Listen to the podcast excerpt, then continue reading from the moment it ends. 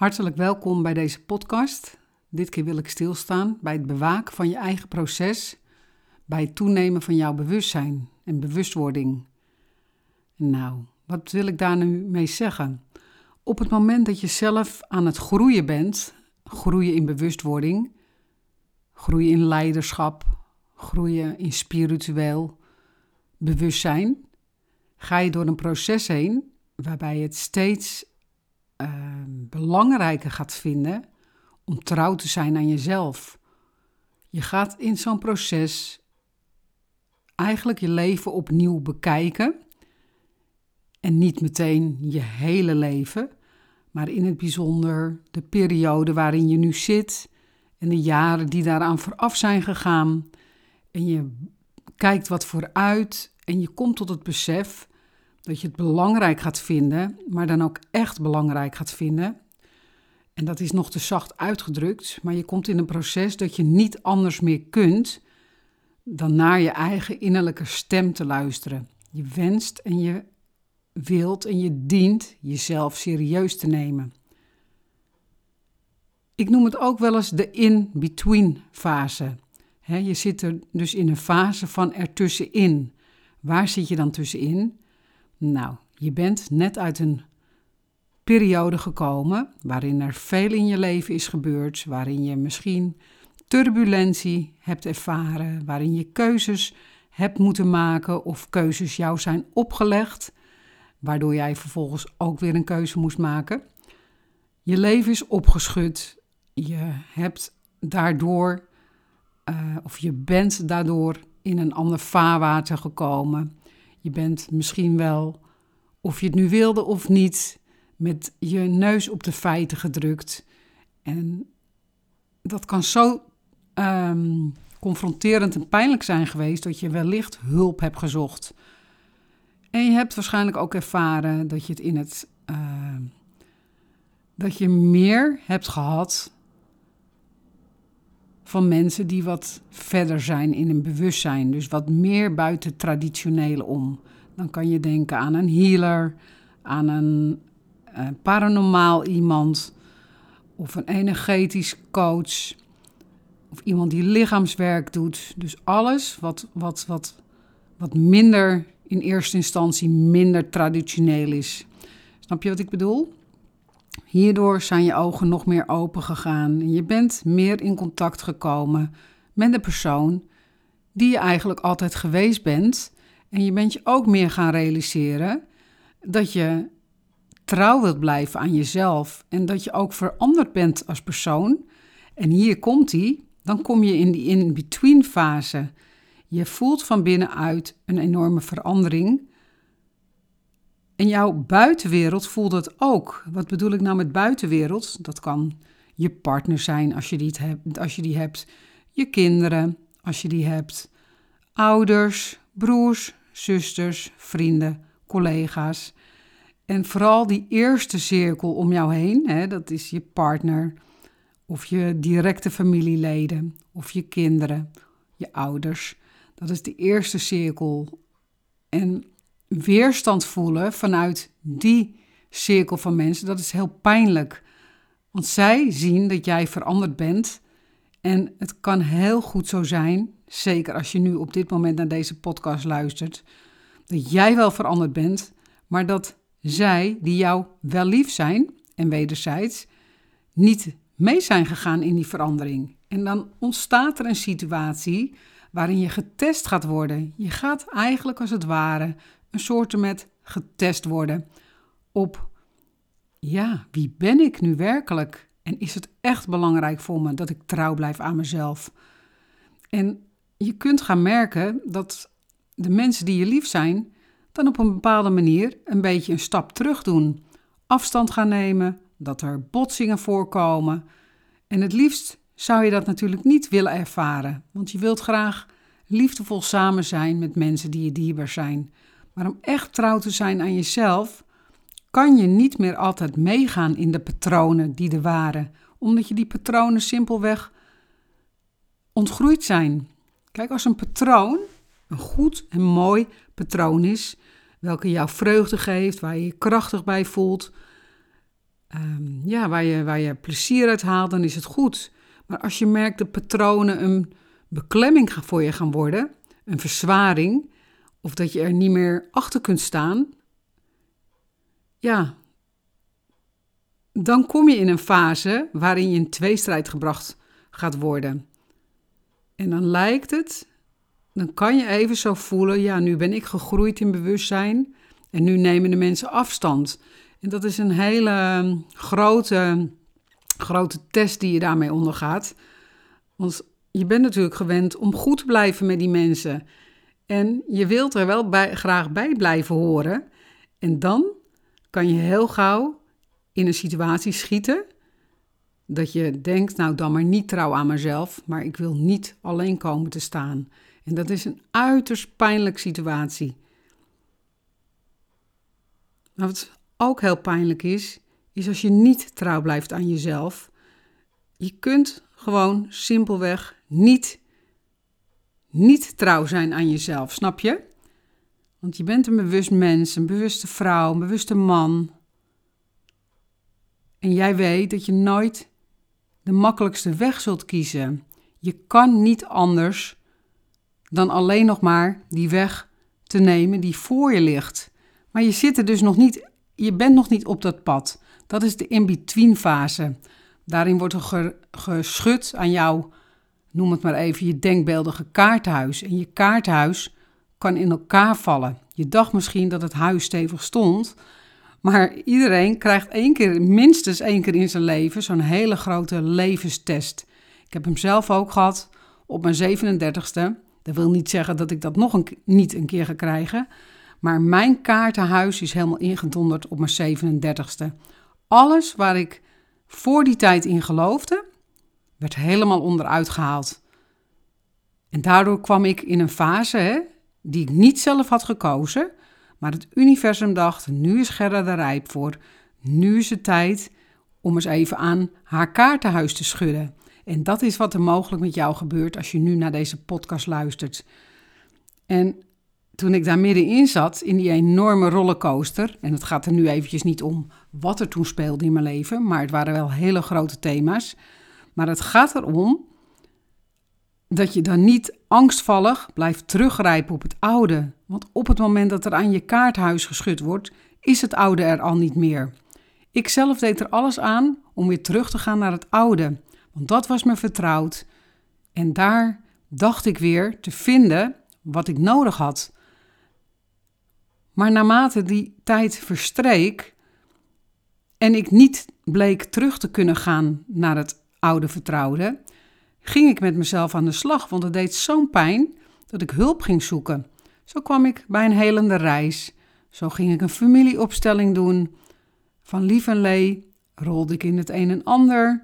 Ging ik later een NLP-opleiding doen, een NLP-mastersopleiding, een Reiki-training, Reiki-cursus. En daar kwam ik erachter, nog steeds in die in-between fase, dat het helemaal niet meer de bedoeling was dat ik terugging naar de oude situatie. En de oude situatie moet je niet direct zien als allemaal praktisch. Oké, dat was zo en zo en zo. Maar de oude situatie gaat over de energie in mij. Ik ben ook veranderd door de omstandigheden die op mijn pad zijn gekomen. En het leven duwde mij voorwaarts. Als ik zelf, ehm, als het universum niet had ingegrepen, zeg maar, was ik bij het oude vertrouwde gebleven. Maar daar lag niet mijn zielspotentieel. Daar lagen niet mijn kansen tot werkelijke groei en tot werkelijk thuis te komen bij mezelf. Dus door met mezelf aan de slag te gaan, groeide op dat moment mijn bewustwording en ging ik steeds beter inzien, juist dat ik in een fase zat, ja, tussen die twee werelden in, de oude wereld en de nieuwe wereld. En het heeft voor mij zo'n vier, vijf, zes jaar geduurd voordat ik echt in al mijn kracht kon groeien naar de nieuwe Gerda, zeg maar. En ik heb heel sterk het gevoel dat als je naar deze podcast luistert, dat het bij jou ook het geval is. Dat je mogelijk in die in-between fase zit. En de een misschien wat meer aan de voorzijde van die in-between fase en de ander er middenin. En de ander is er misschien al uit of bijna uit. Nou, daarna ehm, of nog tijdens die fase, zal je merken dat je echt eh, ja, dus op de proef gesteld wordt. Dat bepaalde mensen zich anders gaan gedragen dan jij gewend bent. En als dat, zeker als dat dierbaren zijn, doet dat hartstikke zeer. Maar voor jou is het heel belangrijk dat je soms ook dat niet tegen kunt gaan. Je kunt wel heel erg goed je best doen om in een goed blaadje te blijven vallen bij iedereen. Maar weet je, als, je, als jij echt trouw bent aan jezelf en als jij kiest voor jezelf, dan, en als dat goed voor je is, dan zullen mensen die je echt dierbaar zijn, zullen jou je proces gunnen en die zullen niet van je verwijderen. Het zijn vaak de mensen die zelf qua bewustzijn en qua energieniveau nog niet zo op hetzelfde niveau zitten als jou. En dat heeft niks te maken met, met ego, van ik ben verder. Maar het is nu eenmaal een feit dat we niet allemaal op hetzelfde tempo, ik doe het maar even in een metafoor, de berg opklimmen. Jij bent misschien al wat eerder begonnen met klimmen en je staat al wat hoger op de berg. En je kan niet verwachten van iemand die net is begonnen met klimmen, dat hij helemaal jouw taal kan begrijpen en dat hij jouw keuzes kan begrijpen. En jij bent op de hoogte waar jij staat op die berg, omringd met mensen die jou wel begrijpen. En ook met mensen die al een stukje hoger op die berg staan, die jou ook kunnen begrijpen. En die jou zullen stimuleren om trouw te blijven aan jezelf. Van die mensen kan je nu leren. Aan die mensen kan je een voorbeeld nemen en kan je ook vertrouwen uithalen dat dat je voorland is. Nou, eenmaal zo'n beetje uit die in-between fase gekomen. Hoe weet je dat nou? Nou, dat weet je dat als je keuzes maakt waar anderen misschien anders over denken dan jij, dan merk je dat het je minder raakt. En al raakt het je wel, dan weet je nog dat het goede keuzes zijn. Want je kan niet anders dan trouw blijven aan jezelf. En helemaal als het betreft familieleden hè, die vinden dat jij iets anders zou moeten doen dan, dan dat jij, dan jij het uh, ja, in je hart voelt, dan is het heel goed om te realiseren dat familieleden soms bang zijn dat jij verandert. Misschien zijn ze bang dat ze je kwijt zullen raken. Weet dat er niet per se iets negatiefs achter zit, maar het geeft wel aan dat ze een soort ja, dat ze het heel moeilijk vinden om te zien dat jij verandert. En hiermee kan het heel confronterend voor hun zijn, want ergens spiegel je hen wat ze zelf ook heel graag willen, maar waar ze niet toe in staat zijn. Snap je?